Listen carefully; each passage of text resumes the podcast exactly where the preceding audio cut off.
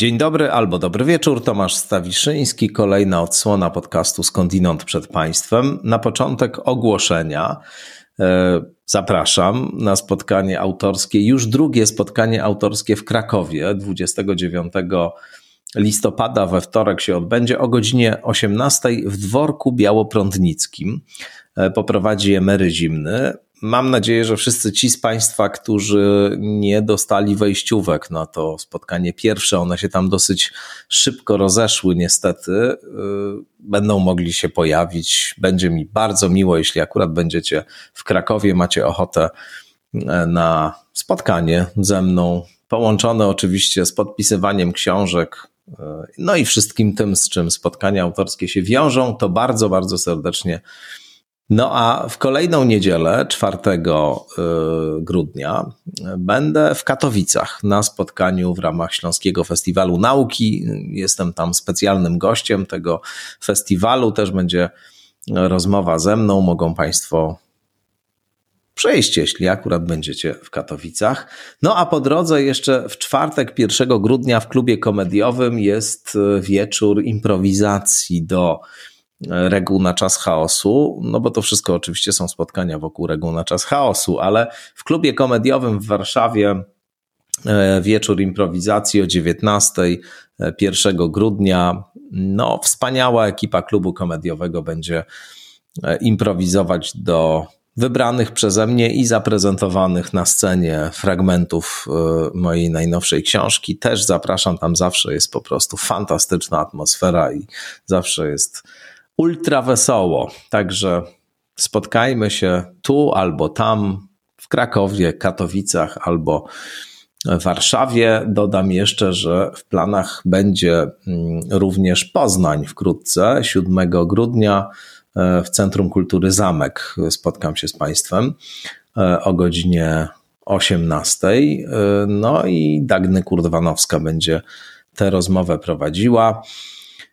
Bardzo się też cieszę, bo w Poznaniu jest wspaniała publiczność, także wszystkich poznaniaków, poznanianki, no i osoby, które będą akurat w okolicy. Zapraszam do Centrum Kultury Zamek 7 grudnia. No, oczywiście wszystkie te wydarzenia mają swoje strony na Facebooku, także można je odnaleźć, można się zapisać. Do zobaczenia.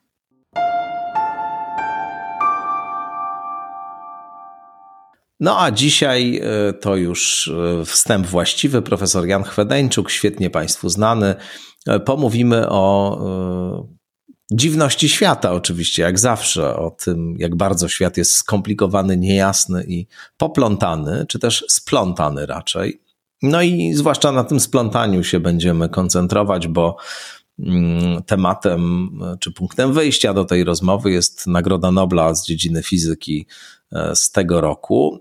To jest Nagroda Nobla dokładnie z tej działki fizyki, którą Jan Chwedeńczuk się zajmuje, więc w ogóle bardzo się ucieszył, czemu dał wyraz w rozmowie, że to akurat tutaj e, Nobel został przyznany. No i też oczywiście jest wspaniałą osobą do tego, żeby o tym opowiedzieć, jak to zwykle w jego wypadku bywa ze swadą, niezwykle potoczyście, ciekawie, ale też bardzo przystępnie. Także myślę, że na pewno Państwu ta rozmowa z Jankiem Chwedeńczukiem do gustu przypadnie. No a ja tradycyjnie dziękuję wszystkim patronkom, patronom, subskrybentkom, subskrybentom za e, wszelkie wsparcie dla podcastu Skądinąd. Dzięki dla firmy Strategy Wise, ekspertów do spraw komunikacji za e, wsparcie na Patronite, też takie bardzo, bardzo wyraziste, rekordowe.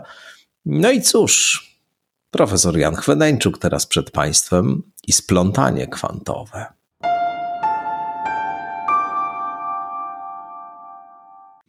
Profesor Jan Chwedeńczuk, nie po raz pierwszy zresztą, w podcaście Skądinąd gości. Dzień dobry, Janku. Dzień dobry. Jak się masz w te jesienne dni? No, wiosenne trochę lepiej bywa jednak. Muszę powiedzieć, że z jakiegoś powodu ten brak światła jakoś niekorzystnie oddziałuje.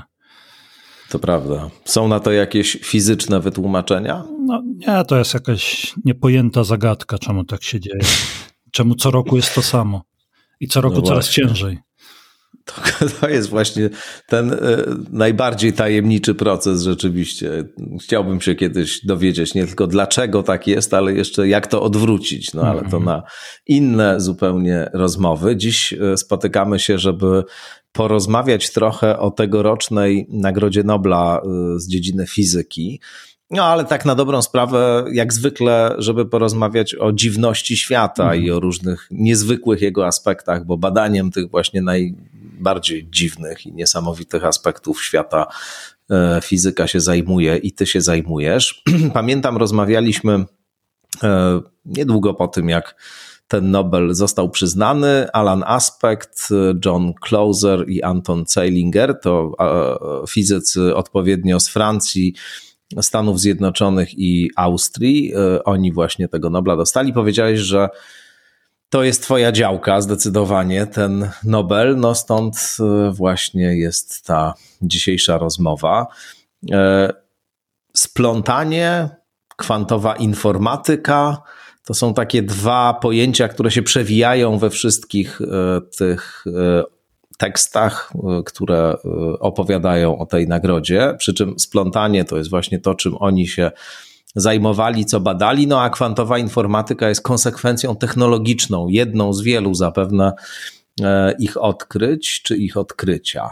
Czy to są takie pojęcia, które dobrze mapują na poziomie bardzo ogólnym to, z czym tu mamy do czynienia? Tak, tak. Na, po, na poziomie najogólniejszym ja bym powiedział, że to są odkrycia, po pierwsze badania y, czegoś, co można by nazwać podstawami mechaniki kwantowej, czy tam czasem tak górnolotnie się mówi fundamentami mechaniki kwantowej, czyli coś, no właśnie, fundamentalnego, a z drugiej strony y, te ich badania mają taką drugą nóżkę, to znaczy y, zastosowanie tych zjawisk kwantowych, nieklasycznych do jakichś praktycznych celów. Więc to jest ciekawa nagroda, bo właśnie ona jest tak skonstruowana i nawet jak się przeczyta uzasadnienie jednozdaniowe na stronie Komitetu Noblowskiego, to jest tu, tak będę na żywo to tłumaczył, jest tu napisane, że przyznaje się tym trzem dżentelmenom nagrodę za doświadczenia ze splątanymi fotonami, badanie łamania nierówności Bella to są, ja bym powiedział, że te dwa aspekty to są te fundamentalne, oraz pionierskie badania na polu informacji kwantowej. I to jest uzasadnienie. Brzmi dobrze. Brzmi dobrze. I, yy, no i właśnie, i te, ta, ta nagroda jakoś tak yy, wyróżnia po raz pierwszy, po pierwsze, yy, te współczesne badania nad podstawami mechaniki kwantowej, a po drugie, no jakoś nieco antycypując, bo zastosowania tych zjawisk kwantowych, takich subtelnych, jak tutaj te, o których będziemy mówili, to jeszcze jest pewnie pieśń przyszłości, ale ona no, wyróżnia jakiś kierunek badań, bo trzeba powiedzieć, że te nagrody Nobla w każdym razie w fizyce, przypuszczam, że we wszystkich w każdym razie y, naukach przyrodniczych, czyli chemii i medycynie, to one nie, nie tylko służą docenieniu wkładu, ale też no one jakoś tam podkreślają wagę pewnych osiągnięć w, na przyszłość, to znaczy one wzmacniają jakieś obszary nauki, te, które uważają naukowcy, którzy mm, nominują do, do Nagrody Nobla za godne wzmocnienia. I dlatego ja się z czysto egoistycznego powodu bardzo ucieszyłem, gdy ta, ten Nobel został ogłoszony, no bo Nobel w tak ściśle, yy, tak ściśle w mojej dziedzinie, w tym czym ja się zajmuję, no to jest po prostu wzmocnienie tego obszaru badań, hmm. którym się, więc to, to, to, ma jakieś takie znaczenie.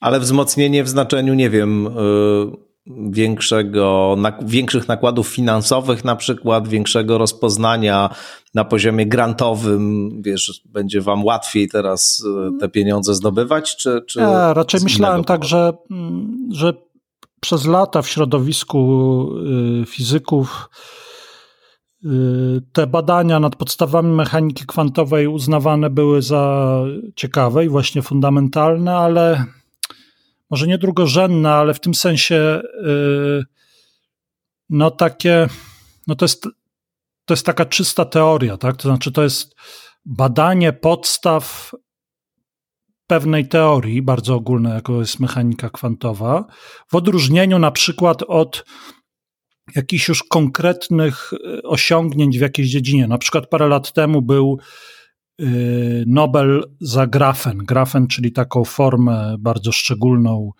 e, formowania się węgla i układania się węgla w takie jednoatomowe płaszczyzny. No i to, to jest przykład Nobla za konkretne zastosowanie teorii kwantów w czymś, w, w pewnym obszarze, fizyce ciała stałego, który być może y, ten nowy materiał będzie jakoś użyteczny do jakichś celów takich, no właśnie, inżynieryjnych, chciałoby się powiedzieć. Y, a tymczasem te, te badania z podstaw mechaniki kwantowej, no to jest, są takie, no, podstawy, no wiesz, no, z jednej strony o znaczeniu fundamentalnym, a z drugiej strony to jest takie, można na to patrzeć, że to jest taka zabawa tymi podstawowymi cegiełkami, a nie próba układania z nich jakichś takich skomplikowanych struktur, które się mogą przydać do, nie wiem, zrobienia lasera, czy właśnie jakiegoś nowego materiału. Niemniej, no, zrozumienie tego, jak te podstawowe cegiełki, yy, jak ich użyć i jakie jest ich znaczenie, no, ma fundamentalne właśnie znaczenie. I stąd y, bardzo mnie cieszy, że, że ci trzej naukowcy zostali y, wyróżnieni w tym roku. No, ja tutaj się też spotkałem z takim komentarzem również, że y, mamy tutaj do czynienia z odkryciami, które pokazują, że Einstein mylił się mówiąc, że Bóg nie gra w kości. Czy mógłbyś to rozwinąć. No świetnie, świetnie, że o tym wspominasz, bo akurat właśnie chciałem zrobić taki rys, rys historyczny, żeby wiadomo było mniej więcej e, na czym stoimy. Czyli w takim telegraficznym skrócie, bo już wielokrotnie o tym mówiliśmy, to teoria kwantów jest. E, no na... Tak, ja też odeślę może po mhm. prostu Państwa do naszych wcześniejszych rozmów, bo myśmy o tym wielokrotnie rozmawiali, Jan to tłumaczył nie raz, ale tak jakby rzeczywiście dla tych osób, które e, na przykład po raz pierwszy w ogóle włączyły rozmowę tego typu, to gdybyś mógł taki, tak. taką małą pigułkę Małą dać. pigułkę, więc teoria kwantów rodzi się no, w bólach jak każda wielka teoria, ale zaczyna się gdzieś tam pierwsze przebłyski, że potrzebny będzie nowy opis świata, to jest powiedzmy przełom XIX i XX wieku a co znaczy potrzebny nowy opis? To znaczy, że pewne zjawiska, y, dane obserwowalne są niezgodne z opisem teoretycznym istniejącym do tej pory, tak? Czyli albo jest jakiś fundamentalny błąd pomiarowy, ale im więcej zrobisz pomiarów, które dają ten sam wynik, tym mniej jest to prawdopodobne, albo też ten opis rzeczywistości, którym dysponujemy, jest Niepełne. No i, i tak było w rzeczy samej, było parę tych zjawisk, już nie będę tutaj yy, wchodził w szczegóły, bo to nie jest w tej chwili najistotniejsze. W każdym razie pojawiło się, że tak powiem, yy, popyt się pojawił na nowy, ogólniejszy opis zjawisk fizycznych, w szczególności tych zachodzących w mikroświecie i ten opis powstawał rękoma wielu, wielu naukowców, Schrödinger, Heisenberg, Einstein między innymi, Planck, Dirac i tak dalej. I w końcu tam w latach dwudziestych, mniej więcej w połowie, mm, stworzono w miarę kompletny opis tej pierwszej mechaniki kwantowej, czyli takiej nieuwzględniającej zjawisk y, relatywistycznych, które nas tutaj nie będą interesowały. No i ludzie zaczę, zaczęli stosować tę całą technologię, to znaczy ten opis teoretyczny, do przewidywania wyników doświadczeń z atomami, z elektronami, protonami itd. Tak itd. Tak I y, zgodność y, tej nowej teorii z wynikami doświadczeń była fantastyczna, y, co nas upewniało, znaczy ówczesnych fizyków i fizyczki, w, w przeświadczeniu, że jest to, że ten opis świata jest prawidłowy. W każdym razie na tym poziomie, na którym stosujemy go, czyli do poziomu mniej więcej cząstek elementarnych. I wszystko byłoby dobrze, gdyby nie to, że teoria kwantów no ma jakiś taki niepokojący aspekt. To znaczy, kilka z jej, mm, kilka z jej przewidywań, kilka z, z wniosków, które płyną z zastosowania teorii kwantów, zdają się być, y, stać w sprzeczności z naszą intuicją. I to w takiej sprzeczności głębokiej, fundamentalnej. Jednym z tych y, sprzecznych y, wniosków płynących z teorii kwantów jest to, że wyniki doświadczeń pojedynczych są fundamentalnie nieprzewidywalne. Nie możemy prawie nic powiedzieć o wynikach pojedynczych doświadczeń. Jedyne, co możemy powiedzieć na gruncie teorii kwantów, to jest statystyka. To znaczy, możemy powiedzieć, że pewne, jeżeli wezmę elektron i nim e, strzelę w ekran, no to z pewnym prawdopodobieństwem mogę go znaleźć w jakimś obszarze, a z pewnym w innym. I yy, wydawało się, że jest to niezbywalna część teorii kwantów. Einsteinowi to się nie podobało on powiedział to słynne zdanie, że Bóg nie gra w kości, że nie może być tak, że fundamentalna teoria, która rządzi podstawami świata materialnego, czyli tymi najbardziej elementarnymi zjawiskami, które, na którym budują się coraz bardziej złożone struktury, że ta fundamentalna teoria no jest jakoś zasadniczo stochastyczna, losowa, tak, że... Że, ta, że tam jakiś totolotek się totolotek odbywa. się odbywa. no i y, Einsteina y, sugestia była taka, że teoria kwantów to jest jakiś element, wycinek naszego rozumienia rzeczywistości, a naprawdę, jeżeli głębiej podłubiemy, to odkryjemy tam na nowo teorię deterministyczną, czyli taką, która pozwoli Y, określać na przykład wyniki doświadczeń, a ta niedeterministyczność teorii kwantów to jest właśnie, tak jak powiedziałem, to jest wynik jakiegoś przybliżonego opisu. I to jest to, co Einstein powiedział, Bóg nie gra w kości, czyli nie spodziewam się, innymi słowy powiedział, tak że tam na dnie będzie coś tak dziwacznego. To, to, musi być, to musi być wynik przybliżonego, efektywnego opisu. No i, e, w, i ta, ta historia, żeby już dojść do, do doświadczeń, za które nobliści dostali Nobla, yy, ta historia tak na nowo rozgorzała, mniej więcej yy, rozkręciła się yy, w roku 35. W 35 roku pojawia się praca Einsteina, Podolskiego i Rosena. Często się mówi o nich trio EPR i ta y, praca ma tytuł wiele mówiący, mianowicie y, tytuł tej pracy jest taki mniej więcej, ja teraz go przytoczę z pamięci, czy opis świata, jakiego y, dostarcza mechanika kwantowa, można uznać za kompletny. I samo, samo to pytanie, wiesz, jeżeli je zadajesz, mm. no to sugeruje, że spodziewasz się, że odpowiedź jest, że nie. Bo, mm -hmm. no bo gdybyś nie kwestionował y, teorii kwantów i y, zgadzał się na jakimś poziomie filozoficznym, czy właśnie poziomie interpretacji z konkluzjami z, z niej płynącymi, to, no to nie pisałbyś, nie zadawałbyś pewnie pytania, tylko byś szedł dalej i, i liczył jakieś kolejne rzeczy, czyli stosował teorię, innymi słowy. Zdecydowanie. No właśnie, no ale Einstein, Podolski i Rosen, co, co oni zauważyli? Oni zauważyli, że jeżeli weźmiesz dwie cząstki i odpowiednio i będziesz ob, do obu nich stosował łącznie opis y, teorii kwantów, to istnieje taka możliwość, że przygotujesz te dwie cząstki w, w takiej konfiguracji dziwnej, które teraz wiemy, że wiąże się z pojęciem pewnej korelacji, którą nazywamy splątaniem. I te, ta konfiguracja niesie ze sobą szereg dziwacznych konsekwencji, między innymi takich, że pomiar wykonany na jednej cząstce natychmiast determinuje, jakie wyniki można uzyskać na drugiej cząstce. Czyli innymi słowy, mówiąc już współczesnym językiem, wydaje się, że teoria kwantów jest nielokalna, bo ty lokalnie wykonujesz jakąś operację na jednym obiekcie, który jest powiedzmy na Marsie, i to natychmiast determinuje, co uzyskasz, jaki wynik uzyskasz w drugim, y, w drugim obszarze. I co więcej, bo to nie jest wszystko. Co więcej, jeżeli powtórzysz to doświadczenie i uznasz, że masz ochotę, biorąc ten powiedzmy jeden z pary elektronów, zmierzyć coś zupełnie innego, powiedzmy wcześniej mierzyłeś, nie wiem, położenia, a teraz uznasz, nie, dobra, nie, tym razem zmierzę sobie prędkość.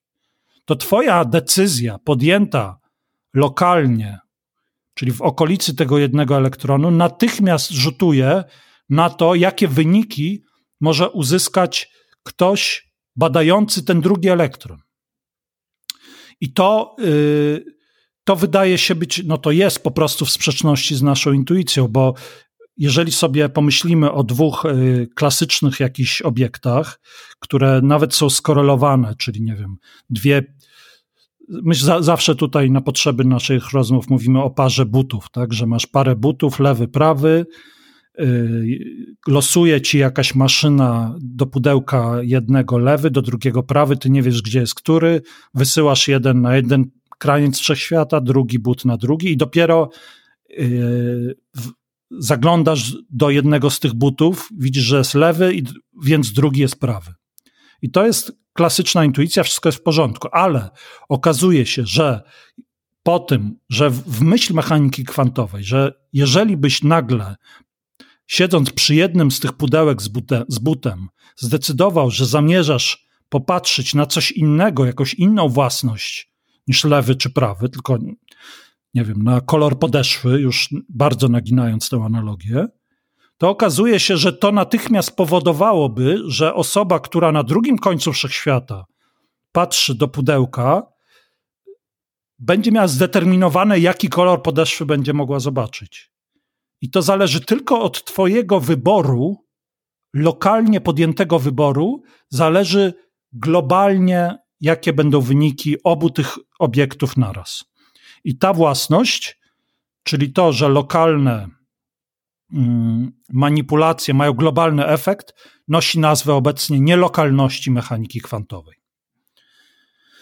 I teraz. I jest to bardzo dziwne. Jest to bardzo dziwne. Bardzo dziwne. Że coś takiego się dzieje. Einstein, Podolski, Rosen w tej pracy zauważyli, że coś takiego się dzieje i, no i byli zaalarmowani, co tu dużo mówić. I, i wcale mnie to nie dziwi. Znaczy, pewnie gdybym to ja w tamtych czasach, o ile by mi starczyło jakby mocy intelektualnych, żeby zauważyć tę konsekwencję, no to, to gdybym, gdybym zdał sobie z jej sprawę, to, to też pewnie bym pierwsza myśl byłaby taka, że coś tu jest nie tak. To znaczy, że ten opis teorii kwantów, jak sugeruje tytuł pracy EPR, jest niekompletny po prostu i trzeba ją jakoś uzupełnić o coś, co sprawi, że to wszystko nabierze na nowo starego, dobrego, poczciwego, klasycznego sensu. No właśnie. No właśnie. No i to jest rok 35. Y, dyskusje na ten temat trwają, aczkolwiek no, są bardziej czy mniej ożywione, ale nie jakieś tam, nie jest to chyba główny nurt rozwoju mechaniki kwantowej. Nastaje rok 64 i John Bell, y, fizyk irlandzki bodajże, o ile dobrze w tej chwili pamiętam, y, pisze krótką, pięcio-sześciostronicową pracę, y, która ma tytuł na temat paradoksu Einsteina-Podolskiego-Rosena, taki jest jej tytuł, on the Einstein-Podolski-Rosen Paradox. I to jest prosta praca, w której Bell wykazuje, że na bardzo prostym przykładzie, czyli właśnie na przykładzie dwóch cząstek, które mają takie, taką jakąś dych, dychotomiczną własność. To znaczy, każda z tych cząstek może być y, orzeł albo reszka. Czyli jeżeli masz dwie cząstki, skorelujesz je i roześlesz w jakieś miejsce, to ta cząstka może mieć tylko własność orzeł, reszka, czy też jeżeli wolisz lewy, prawy. Nie ma żadnej Y, trzeciej możliwości. To jest najprostszy złożony układ, czyli taki, który ma tylko dwie strony, a nie ma trzeciej, siedemnastej i tak dalej. No i on bierze taki przykład, w tym jego rozumowaniu to są dwa elektrony, które mają taką własność, to się nazywa spin, która, która właśnie jest taka y, dychotomiczna, czyli daje wyniki plus jeden albo minus jeden i nic poza tym. I on wykazuje w dość prostym rozumowaniu, że teorii kwantów nie da się uzupełnić o klasyczną teorię, czyli taką, która by spełniała te warunki lokalności, o której mówiliśmy, między innymi, w taki sposób, żeby na nowo przywrócić ten, ten, e, ten e, stary, dobry, starą, dobrą lokalność i, i ten klasyczny opis świata. Nie da się wrócić od teorii kwantów na nowo do jakiejś ogólniejszej teorii, która by była w jakimś sensie klasyczna. I to jest wynik Bella.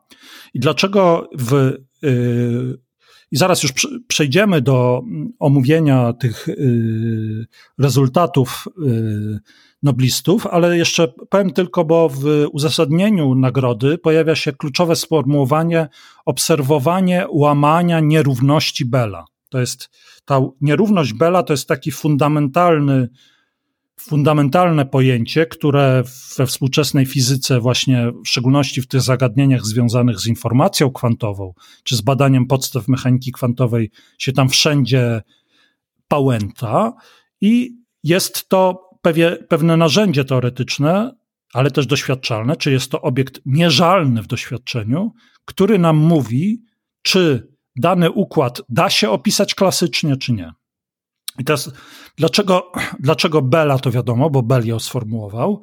Dlaczego nierówność, to już jest trochę trudniej yy, może sobie uświadomić, ale yy, ja tak w, w największym skrócie powiem, że Bell zaproponował, aby na tym układzie skorelowanych elektronów wykonywać pomiary, wykonywać konkretne pomiary. Mierzymy zawsze tę wielkość, którą nazywamy spinem, tam coś obracamy, przykładamy pole magnetyczne i tak dalej, i tak dalej. Wykonujemy serię pomiarów. Te pomiary zbieramy jakoś w całość i Bell powiedział tak, weźcie te pomiary, przemnóżcie przez siebie wyniki, pododawajcie, podejmujcie zgodnie z pewną bardzo konkretną, krótką regułką. Jeżeli tak zmanipulowany wynik tych, yy, tak obrobiony wynik tych pomiarów jest większy niż pewna graniczna liczba, w jego przypadku to było tam dwa, ale to nie ma większego znaczenia, to znaczy, że tego konkretnego układu nie da się opisać językiem klasycznym w żaden sposób. Czyli ten układ sprawia, że mechanika kwantowa jest y, tą dominującą teorią, że nie da się przywrócić klasycznego opisu do, do y, klasycznego języka do opisu tego układu. I to jest, w tym sensie mówimy o nierówności Bella, czyli weź dwie cząstki, zmierz coś na jednej, zmierz coś na drugiej, potem zmieniaj jakoś y, to, co mierzysz, przemnażaj wyniki. Ja oczywiście mówię w ogromnym skrócie, ale chciałbym, żebyście Państwo chociaż sobie uświadomili, że tam na końcu manipulujemy liczbami, które są wynikami jakichś pomiarów, manipulujemy liczbami. Jeżeli te liczby są mniejsze od czegoś, czyli spełniają jakąś nierówność, to wtedy teoria klasyczna się stosuje. Jeżeli są większe, to znaczy, że się nie stosuje i nie ma powrotu do, do klasycznego języka.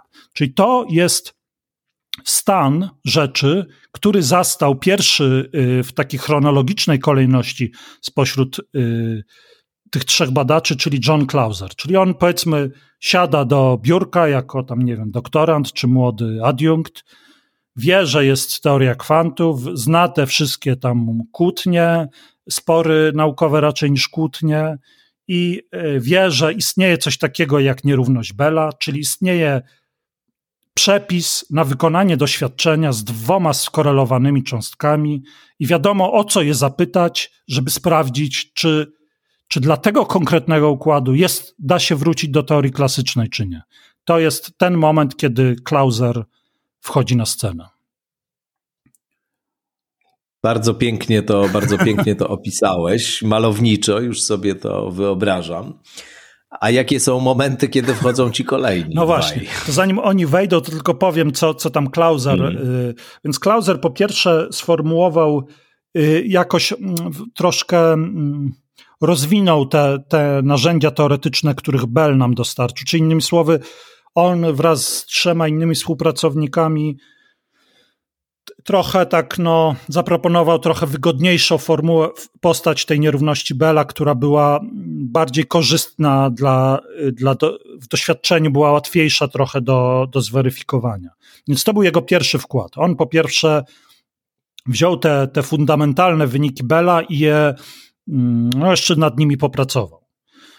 I sformułował nierówność, która też jest przykładem nierówności Bella, tak to wszystkie tego typu nierówności badające, czy jest powrót do klasycznej teorii, czy jej nie ma, tak je nazywamy ogólnie nierównościami Bella, ale yy, on jakoś coś tam powiedzmy trochę ulepszył i sprawił, że to łatwiej się używa. Więc to jest jego pierwszy wkład, a drugi wkład to jest, on po raz pierwszy zbadał y, łamanie nierówności Bella, czyli zaobserwował, że jeżeli w jego przypadku weźmiemy parę fotonów, które powstają w jakimś tam procesie fizycznym i co do których istnieje podejrzenie, że one tworzą taki bardzo silnie skorelowany układ, i on wziął tę parę fotonów, i na, na nich wykonał doświadczenia, te wszystko, to wszystko, o czym mówiłem, tu coś zmierzył, tam zmierzył, zmienił ustawienia, znowu zmierzył, przemnożył, odjął, dodał i wyszło mu, że odpowiednio sformułowana kombinacja tych wyników łamie y, to coś, y, co, co nazywamy nierównością Bella, czyli po raz pierwszy. Tak, to w sumie, tak. w sumie dosyć prosta sprawa jest, trzeba tam pomnożyć, dodać, no, tak, odjąć. Tak, tak. Jeszcze raz przemnożyć i potem ci wychodzi i dostajesz tak. Nobla. To jest naprawdę świetna sprawa. Tak, no. tak, ale to, to senevrati, to znaczy już zostało to policzone, pomnożone, tam odjęte, dodane i tak, mo niestety. Może licencjat y, z tego można napisać, y, ale już z Noblem może być trochę ciężej. Rozumiem, rozumiem. No e, cóż. No cóż. I potem y, tak w chronologicznym w chronologicznej kolejności pojawia się Alan P., który mm, już wcześniej było wiadomo, że problem z doświadczeniem, choćby tym doświadczeniem Klausera jest taki, że a priori nie można wykluczyć, że te dwa układy pomiarowe, czyli te, które się skupiały na tych dwóch fotonach tworzących tę skorelowaną parę, te układy pomiarowe mogły ze sobą się y, komunikować. Czyli nie możesz wykluczyć, że tam jakiś złośliwy chochlik siedzi w każdym z tych układów pomiarowych i te chochliki ze sobą się komunikują i w jakiś sposób jeden drugiego mu, mówi: Posłuchaj, u mnie wyszło minus jeden, to ty też, też im powiedz, że jest minus jeden, będziemy udawać, że jesteśmy bardzo kwantowi. No to ten drugi chochlik ustawia minus jeden i wszyscy się cieszą, że takie mają bardzo skorelowane wyniki. Potem y, coś zmieniamy w jednym układzie, chochlik się dowiaduje, od razu dzwoni do tego drugiego i mówi: Posłuchaj, u mnie zmienili to i to, to ty teraz się dopasuj i będziemy ich znowu oszukiwać. Oni będą myśleli, że oni robią naprawdę niezależne pomiary na dwóch fotonach, ale my mamy telefony, my dzwonimy do siebie i tak naprawdę to nie są niezależne pomiary, bo my, chochliki, y, komunikujemy się między sobą i no i oszukujemy po prostu. No. Znaczy, przesyłamy informacje o tym, co się dzieje w drugim podukładzie, i to, co nam się wydawało do tej pory być niezależnym y, procesem pomiaru, jest y, w gruncie rzeczy jest y, ukartowane przez chochliki. No, ja powiem szczerze, że ja bym nie wykluczał takiej, no właśnie. takiego wariantu. I to jest bardzo, no. bardzo poważny problem, bo jeżeli chcesz fundamentalnie wykluczyć lokalność mechaniki kwantowej, to musisz mieć pewność, że to, co się dzieje na jednym podukładzie, jest zupełnie niezależne od drugiego. No bo jeżeli tak nie jest, no to tak jak powiedziałem, teoretycznie może być tak, że te dwa układy y, telefonują do siebie i jakoś się synchronizują i udają tę silną korelację. Tak, jej naprawdę nie ma. One tak naprawdę, jeden mówi drugiemu, u mnie wyszło to, to ty teraz mu wypisz na ekranie to samo i niech on myśli teraz, czy ona, że, że mają takie wspaniale skorelowane wyniki, a tak naprawdę to jest nieprawda, bo my po prostu ustaliliśmy, co im tam wyświetlać na ekranie. Więc w jaki sposób. To skojarzyło mi się z pewnym no, no. bardzo starym dowcipem. E, nie wiem, czy pamiętasz taki dowcip. To jeszcze jest e, z czasów głębokiego PRL-u o tym, jak to przyjechała delegacja do Związku Radzieckiego z jakiegoś kraju i tam prezentowano maszynę niezwykle nowoczesną, automatyczną, która miała obierać ziemniaki. Znasz to? No, nie wiem, no. No w każdym razie była taka ogromna maszyna lśniąca, wyglądająca niezwykle nowocześnie. No i e, było jakiś otwór, z którego miały wypadać te ziemniaki obrane, no i taka dziura, do której się wsypywało te ziemniaki nieobrane. I e, delegacja przystąpiła do, do oględzin tej maszyny, podjechała ciężarówka, tonę ziemniaków tam wrzucili do środka, no i długo, długo nic, nie ma żadnego efektu. Wszyscy czekają, tacy całkiem, wiesz, już trochę zaniepokojeni. No i tak pyk, jeden ziemniak wypada. Po jakimś czasie pyk, kolejny. No ale to nie jest ta szybkość i częstotliwość, o jakiej tutaj, jakiej się tutaj spodziewano. No i e, kiedy już delegację gdzieś tam zabrano w inne miejsce, żeby trochę jednak ten efekt osłabić y, tego, tego całego blamażu, to tam jakiś majster główny od tego otwiera e, tą całą maszynę, no i tam sterta takich ziemniaków jest i siedzi jeden facet taki na stołeczku małym i obiera ziemniaki i wiesz, wyrzuca przez ten otwór. No i e, patrzy tak na tego majstra i mówi, no sam jeden zostałem, innych przysypało. Myślisz, że tak naprawdę było? Moim zdaniem naprawdę. To jest na, to jest na pewno historia, tak zwana historia autentyczna. historia autentyczna. E, no właśnie, więc mm, już domykając tę opowieść, e, Alanas P. E, postanowił wykonać doświadczenie, w którym, które by wykluczyło możliwość komunikacji między chochlikami. A w jaki sposób to zrobić? No musisz w każdym z podukładów działać na tyle szybko, żeby wykluczyć to, że jeden chochlik mógł drugiemu cokolwiek przesłać. Jak wiemy, przesyła, o ile prawdą jest e, teoria względności prawdziwa, to przesyłanie sygnałów jest możliwe co najwyżej z prędkością światła. Czyli jeżeli w dwóch podukładach wykonasz takie doświadczenie, że tak szybko doświadczenie, te pomiary, że sygnał między nimi nie zdąży prze, przelecieć, albowiem światłu nawet dłużej by to zajęło niż, niż, wy, wykona, niż czas trwania tych pomiarów, no to wtedy y, odcinasz możliwość komunikacji chochlikom, chyba że chochliki są, y,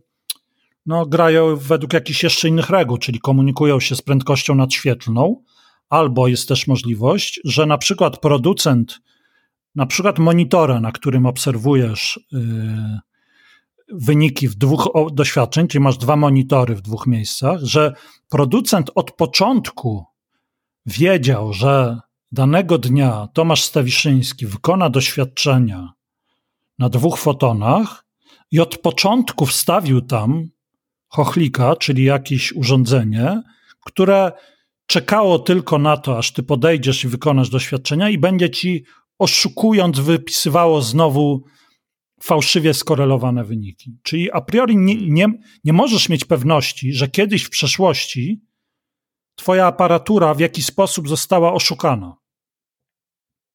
Tego nigdy nie możesz wykluczyć, że aparatura, którą stosujesz, kiedyś w przeszłości się ze sobą nie skomunikowała, jak była na przykład leżała w jednym magazynie i nie ustaliła wspólnych zeznań na przyszłość. Powiedziała, no, jak zobaczycie y, fizyka zbliżającego się, to, to, to wtedy oszukujcie, bo po prostu no, trzeba ich oszukać i niech myślą, że wykrywają nielokalność, a tak naprawdę to wszystko zostało tu lokalnie w tym magazynie ukartowane.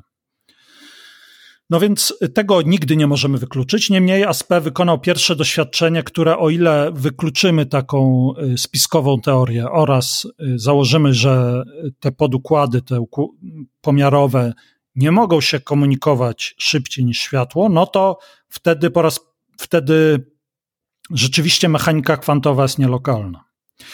I to jest jeden z wkładów Alana Aspe, a Zeilinger pośród wielu jego osiągnięć z kryptografii, teleportacji kwantowej, z wielu, wielu, wielu dziedzin, on między innymi rozszerzył teorię, kwant, tę teorię nielokalności na złożone układy, bo ludzie się przez wiele lat zastanawiali, czy ta, ta dziwaczna nielokalność to jest tylko cecha pary cząstek, czy też ona może się jakoś tak skalować i mogę sobie wyobrazić, nie wiem, makroskopowe obiekty z życia codziennego, które, które mają tę zadziwiającą własność, że pomiar na jednym indukuje wyniki y, drugiego.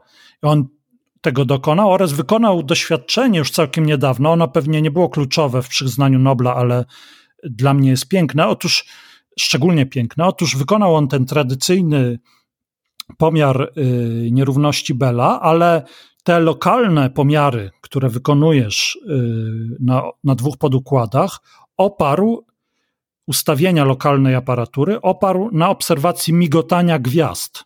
Wybrał dwie gwiazdy. To rzeczywiście piękne. Piękne. Wybrał dwie gwiazdy w, yy, z drogi mlecznej i teraz yy, dwa, w dwóch do, y, laboratoriach, które dzieliły między sobą tę skorelowaną parę fotonów, były obserwowane niezależnie te gwiazdy i, i patrząc na to, jak one migoczą, yy, decydowano, to był taki jakby szum, który im losował, decydował o tym, jakie, jakie, do, jakie ustawienia detektorów zastosować w jednym i w drugim podukładzie. No i teraz ponieważ odległość między tymi gwiazdami wynosiła chyba mniej więcej 600 lat świetlnych, no to teoretycznie 600 lat temu te gwiazdy y, mogły się skomunikować, to znaczy mogły wysłać sobie sygnał, posłuchać za 600 lat Anton Zeilinger będzie, będzie na nas patrzył i na tej podstawie będzie losował do y, ustawienia detektorów, więc pamiętaj o tym, moja droga, żeby za 600 lat migać tak, jak ci tu na kartce y, napisałam, i będziemy migać i znowu robić ich w konia. I tego też nie możesz wykluczyć, oczywiście. Niemniej, no, widzisz, że y, w ramach wykluczania coraz to bardziej y, dziwacznych modeli rzeczywistości, która nas próbuje nieustannie oszukać, no dochodzimy już do, do zupełnie absurdalnych konstrukcji co nie znaczy, że, że, że możemy je y, wykluczyć. One są absurdalne, ale fizycznie nie są wykluczone. Są skrajnie mało prawdopodobne w tym sensie absurdalne, żeby jedna gwiazda drugiej powiedziała, jak migać za 600 lat, ale nie możesz tego wykluczyć. Czyli, żeby podsumować, bo, bo się nagadałem, Mhm, że... No, ale to właśnie po to tutaj zostałeś zaproszony, chciałbym zwrócić uwagę. No ja nie, no dobrze, no nie, nie narzekam. Y, żeby y, podsumować tę część osiągnięć, y, czyli tę, która jest najbliższa mojemu sercu, tej, tej trójki, to ich badania to, to jest trochę, wiąże się z tym, co ty powiedziałeś, cytując Einsteina. Ich badania utwierdziły nas w przekonaniu, że nie ma powrotu do fizyki klasycznej, czyli to einsteinowskie zawołanie, że Bóg nie gra w kości, a zatem tam pod, pod dywanem, pod teorią kwantów musi się ukrywać na nowo jakiś taki w miarę deterministyczny świat, to jest już wykluczone i te fundamentalne y, doświadczenia tej trójki y, o tym zaświadczają. A tu bym o jedną rzecz Cię jeszcze zapytał, pozostając przy tym, co, co powiedziałeś przed chwilą, bo często mówisz y, w ramach pewnego, pewnej możliwości teoretycznej, że istnieje prawdopodobieństwo jakieś, że na przykład to, co my dzisiaj mamy jako mechanikę kwantową y, i jeszcze inne koncepcje, zostanie zastąpione jakąś jedną teorią, jednolitą teorią w przyszłości, że to jest tylko jakby pewien język, którym my to dzisiaj opisujemy, odzwierciedlający nasz stan wiedzy.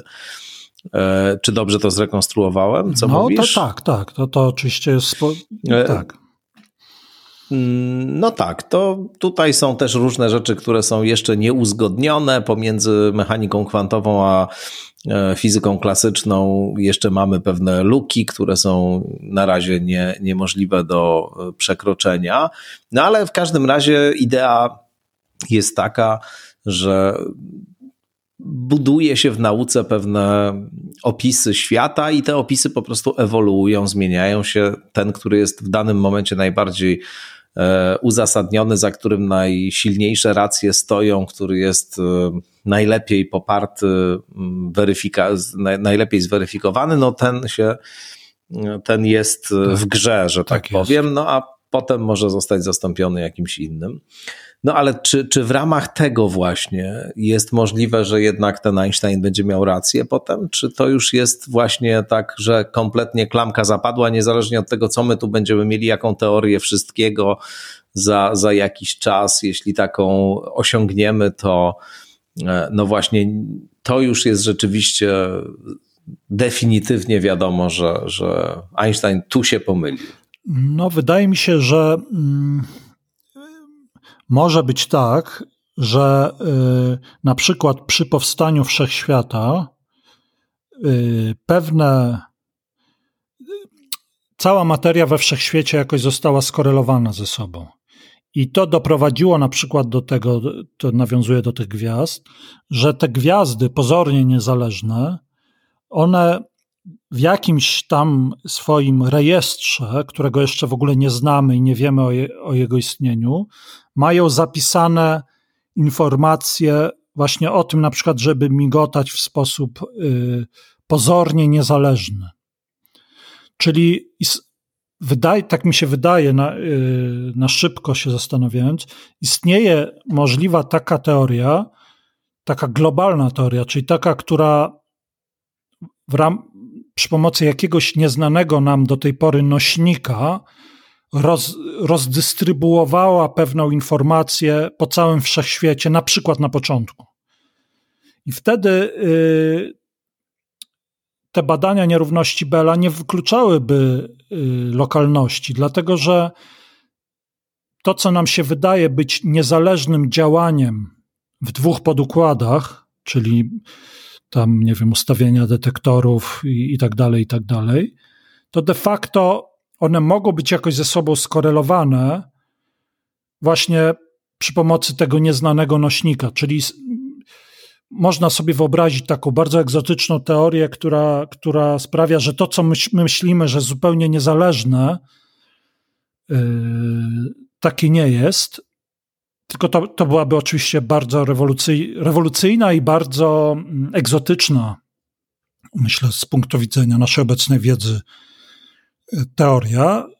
Niemniej, jak myślę o takiej bardzo ogólnej teorii, to, to pewnie bym się zawahał przed stwierdzeniem, że Einstein na pewno, na pewno się pomylił. Czyli jakaś tam ewentualność zawsze istnieje. Zawsze istnieje, tylko no tylko to, to już by bardzo, to byłoby coś bardzo nowego, co oczywiście byłoby niezwykle hmm. ekscytujące. No ta, jakakolwiek rzeczywistość się będzie okazywała, to tak długo, jak będzie nas ona zaskakiwać, a, a ta, którą poznajemy dzięki teorii kwantów, jest zaskakująca, no to to jest fascynujące. No nie, nie obrazimy się, jak się okaże, że jest jakiś e, tutaj globalny spisek e, na gruncie. Nie. Na gruncie. Nie obrazimy się. To, no to jako przedstawiciel reptilian to Wiadomo. To ty powiedziałeś, to ty powiedziałeś. Ale ty nie zaprzeczyłeś. Nie potwierdzam, nie, za, nie potwierdzam, nie zaprzeczam. No. No właśnie. Yy, także cokolwiek się okaże, to, to jest ciekawe. Ciekawe jest, jakie są nasze granice poznania i czy one w ogóle istnieją. Ale te, to, ta historia z tymi trzema badaczami, no, no to, jest, to jest takie zahaczenie o jakiś taki taką egzotykę, tak? Z jednej strony to starałem się powiedzieć tak prosto i to, i to w gruncie rzeczy, jak się umie tymi narzędziami posługiwać, to, to one są proste, to znaczy te, to sformułowanie, jak te doświadczenia, oczywiście detale doświadczalne są trudne, ale sformułowanie, tu zmierz to, tu pokręć tym i tak dalej, to jest y, proste dla, dla kogoś, kto się zajmuje zawodowo fizyką, a z drugiej strony to jest niezwykłe, że taki pomiar tutaj czegoś tam, czegoś przemnożenie, dodanie, odjęcie mówi nam coś tak fundamentalnego o, o strukturze rzeczywistości, w każdym razie tej, do której mamy obecnie dostęp. A pomówmy jeszcze e, chwilę o e, tych konsekwencjach potencjalnych, technologicznych konsekwencjach tych odkryć. Tu się ta kwantowa informatyka tak. pojawia, e, kwantowy komputer. Kwantowy to komputer. jest też temat o którym zdarzyło nam się tu i tam rozmawiać, mm, ale właśnie jak y, tutaj się ta nić pomiędzy tymi odkryciami, a właśnie tym chyba bardzo prężnie rozwijającym się segmentem technologicznym, jak ta nić się rysuje? Ta nić się rysuje w największym skrócie tak, jeżeli bym miał bardzo ogólnie powiedzieć, najpierw bez wchodzenia y, w szczegóły. Otóż jest taka działka, poddziedzina fizyki, która zajmuje się właśnie zastosowaniami tych zjawisk kwantowych wszelakich do ulepszania, jeżeli miałbym tak, chyba tak można powiedzieć, ulepszania funkcjonowania pewnych y, instrumentów, na, narzędzi. Jedną z takich działek jest metrologia kwantowa, którą ja się zajmuję, czyli w jaki sposób zaprząc zjawiska y, takie egzotyczne, nieklasyczne, do tego, żeby dokładniej coś mierzyć. Jest y, teleportacja kwantowa, to może no tak, teleportacja kwantowa, kryptografia, czyli metoda szyfrowania przy pomocy y, stanów kwantowych, czy obliczenia kwantowe. Ale teleportacja kwantowa to jest taka prawdziwa no, teleportacja. Ale na, na poziomie pojedynczych cząstek. No, wszystko jedno i tak jest to imponujące, nie? No tak, tak. Y, I te wszystkie, y, to się czasem mówi protokoły, czyli te wszystkie takie mm, zespoły procedur, które prowadzą do wykonania jakiegoś zadania, na przykład, nie wiem, wykonania obliczenia czy zaszyfrowania wiadomości, one, yy, i to jest przedmiotem trwających badań, ale zasadniczo wiedza jest taka, że one yy, korzystają, czyli ich dzia działanie tych protokołów jest lepsze, szybsze, wydajniejsze, jeżeli zaprzęgniemy do ich wykonania układy, w których te kwantowe korelacje występują. Czyli na przykład, jeżeli chcesz bardzo dokładnie zmierzyć coś bardzo subtelnego, na przykład falę grawitacyjną nadchodzącą z odległych krańców wszechświata, no to. Mm, to, to do Twojego urządzenia pomiarowego, które, w którym propagują się fale świetlne, dobrze jest wpuścić takie fale świetlne, gdzie relacje między tworzącymi je fotonami są takie no, jakoś egzotyczne, czyli właśnie te, te fotony będą czy to splątane, czy będą wykazywały inne własności, takie właśnie jak łamanie nierówności Bella, które są stricte kwantowe. Innymi słowy, kwantowość jest zasobem na rzecz ulepszania funkcjonowania tych różnych procesów. I to jest, to jest dziejąca się, nie wiem czy rewolucja, no ale to jest dziejąca się historia, to znaczy jesteśmy na etapie teraz wchodzenia w coś, co czasem się właśnie nazywa drugą rewolucją kwantową. To jest wchodzenia w w taki etap rozwoju naszej wiedzy, inżynierii i tak dalej, gdzie jesteśmy w stanie wykorzystać te subtelne relacje pomiędzy pojedynczymi obiektami kwantowymi na rzecz albo szybszego działania komputera, albo precyzyjniejszego pomiaru, albo szyfrowania w taki sposób, by szyfru się złamać nie dało bez wiedzy y, właściciela tej szyfrowanej informacji i tak dalej, i tak dalej. I to jest mm, Innymi słowy, te prace y, noblist, tej trójki noblistów, one się y, wpisują i stanowią naprawdę podwaliny pod rozwój y, tych współczesnych technologii kwantowych, które na przykład mi się marzy, by komputer kwantowy dzięki swojej niezwykłej wydajności był w stanie symulować jakieś zjawiska na poziomie komórkowym, i dzięki temu, żeby można było y, popchnąć medycynę, przenieść na kolejny poziom y, rozwoju, dzięki budowaniu jakichś, nie wiem, czy lekarstw, czy terapii, to, to już wykracza poza moją wiedzę. Innymi słowy, jakbym miał właśnie tak podsumować, to, to te zjawiska kwantowe, badane, te fundamentalne zjawiska kwantowe, to jest ta druga nóżka Nagrody Nobla. Z jednej strony jest to badanie podstaw naszej rzeczywistości, a z drugiej strony okazuje się, że te zjawiska, które sprawiają, że ta rzeczywistość jest tak dziwna, mają bardzo konkretne zastosowanie i to wydaje mi się piękne. Piękne byłoby sama ta, ta, ta, ta nóżka teoretyczna, czyli właśnie badanie podstaw tego, w jaki sposób postrzegamy rzeczywistość, ale to, że jeszcze dzięki temu może kiedyś będziemy zdrowsi albo będziemy dokładnie mogli badać, mierzyć i tak dalej, to, to wydaje mi się piękne. I tylko skonkluduję to czymś, o czym parokrotnie już rozmawialiśmy i chyba nawet w Twoim podcaście też, mianowicie, że y, to, to jest tak coś, ta myśl za mną chodzi zawsze, że to jest niezwykłe, że y, my dochodzimy do jakiegoś, wydaje się, etapu krańcowego rozwoju cywilizacji ze względu na, na liczebność ludzkości i, i zniszczenie środowiska, a z drugiej strony w tym samym momencie, w dokładnie tym samym momencie, wydaje się, że stajemy na no, na początku rewolucji, y, właśnie takiej zapoczątkowanej, spowodowanej znajomością tych zjawisk kwantowych, i że po iluś set tysiącach lat rozwoju gatunku, naraz te dwa przeciwstawne procesy, dobro i zło, że tak powiem, czyli coś, co może cywilizację zniszczyć i coś, co może ją wzmocnić i, i polepszyć znacznie nasze życie, że te procesy się zbiegły z dokładnością do 10 czy 20 lat, to jest, wydaje mi się, niezwykłe. To prawda, to, to rzeczywiście jest e, niesamowite.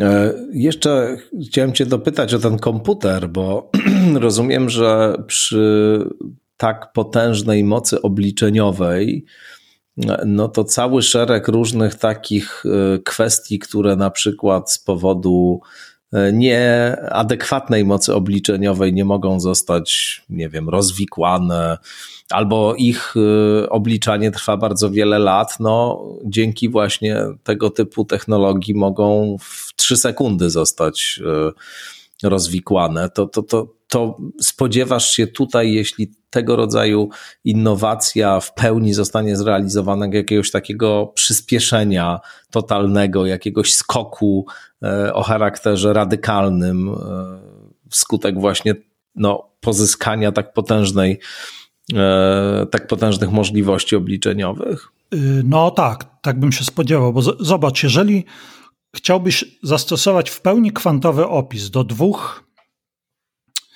powiedzmy, że do, do zbioru cząstek takich najprostszych kwantowych, czyli takich właśnie, które mają tylko tę, tę dychotomiczne wyniki pomiarów, do góry, do dołu, czy tam plus, minus, lewy, prawy, ale nie ma jakiejś złożonej struktury elektronów i tak dalej, i tak dalej, tylko są najprostszymi złożonymi układami, które dają wynik plus jeden i minus jeden. To okazuje się, że przy pomocy, że gdybyś chciał teraz symulować dynamikę te, zbioru takich cząstek, to jeżeli wziąłbyś ich, y, tak strzelam z głowy, ale rzędu 200, chciał opisać 200 takich małych kropeczek i to, jak one ze sobą oddziałują, to nie wystarczyłoby ci całej materii we wszechświecie do zbudowania klasycznego komputera, który by sobie z tym poradził czyli w pełni ścisły opis 200 ma mm. małych kropeczek jest tak złożony przy pomocy klasycznej informatyki, jest tak złożony, że cała materia we wszechświecie to jest za mało, żeby zrobić komputer do opisu. 200 małych dosyć, punkcików. Dos, dosyć niesamowite. Dosyć niesamowite. A tymczasem komputer kwantowy, on właśnie jest, żyje w tym samym świecie, w którym te punkciki, on, on jakby to powiedzieć, tym samym językiem się po, mm. posługuje. I w tym sensie on jest w stanie y, tego typu zagadnienia, czyli właśnie dynamika na poziomie molekularnym, czy atomowym, czy nawet subatomowym, on wydaje się być stworzony do rozwiązywania takich zagadnień. Dlatego ja myślałem o tych kwestiach medycznych na poziomie naprawdę mikroskali, że tam jakieś badanie zjawisk jakiegoś mm, związanych na poziomie białkowym czy, czy jakimś innym mikroskopowym, ja się na tym nie znam, więc nie chcę jakieś głupstwa palnąć, ale mm, no, no to może być przełom, tak, to może być y, przełom albo przełom w jakimś tworzeniu jakichś nowych egzotycznych materiałów, przewodników, czy czegoś, nie wiem, pokryć samolotów.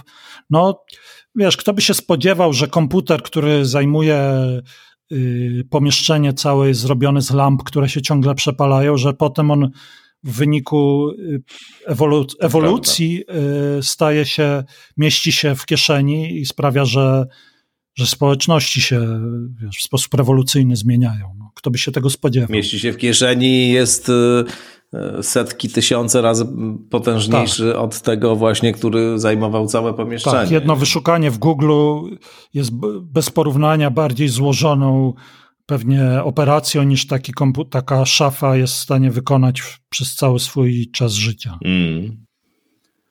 Także mm, no, jesteśmy, ja jestem optymistą, znaczy w tym sensie, że uważam, że nauka jest dopiero u zarania swojego rozwoju i medycyna, i chemia, i biologia, i fizyka. Tylko właśnie jest tu ten pro, kontrujący proces, który może nas znokautować, ale jeżeli bym miał e, abstrahować od, od tych zjawisk społecznych czy klimatycznych, to, to ja uważam, że te, te badania e, tej trójki noblistów, jak i wielu innych badaczy i badaczek, to one pokazują, że, że wbrew temu, co się mówi, to to nie ma zmierzchu nauki, tylko te nauki empiryczne, wręcz na odwrót, y, stoją dopiero u progu jakiegoś nowego otwarcia. Bardzo serdecznie Ci dziękuję za to spotkanie dziękuję. i za tę opowieść fascynującą jak zwykle. Profesor Jan Chwedeńczuk był Państwa gościem. No i nie po raz ostatni, bo szykujemy, mogę tutaj chyba zdradzić, na koniec roku taką rozmowę, jak to rok temu mieliśmy, czyli Jan Chwedańczuk i Paweł Boguszewski przy jednym stole i będziemy tym razem rozmawiali o tym, co się przez ten rok działo, a działo się dużo i dzieje się bardzo dużo. Także z góry od razu na taką rozmowę zapraszam. Jeszcze będę ten specjalny odcinek mm, specjalnie zapowiadał, a tymczasem raz jeszcze Janku wielkie dzięki Dziękuję za wizytę skądinąd.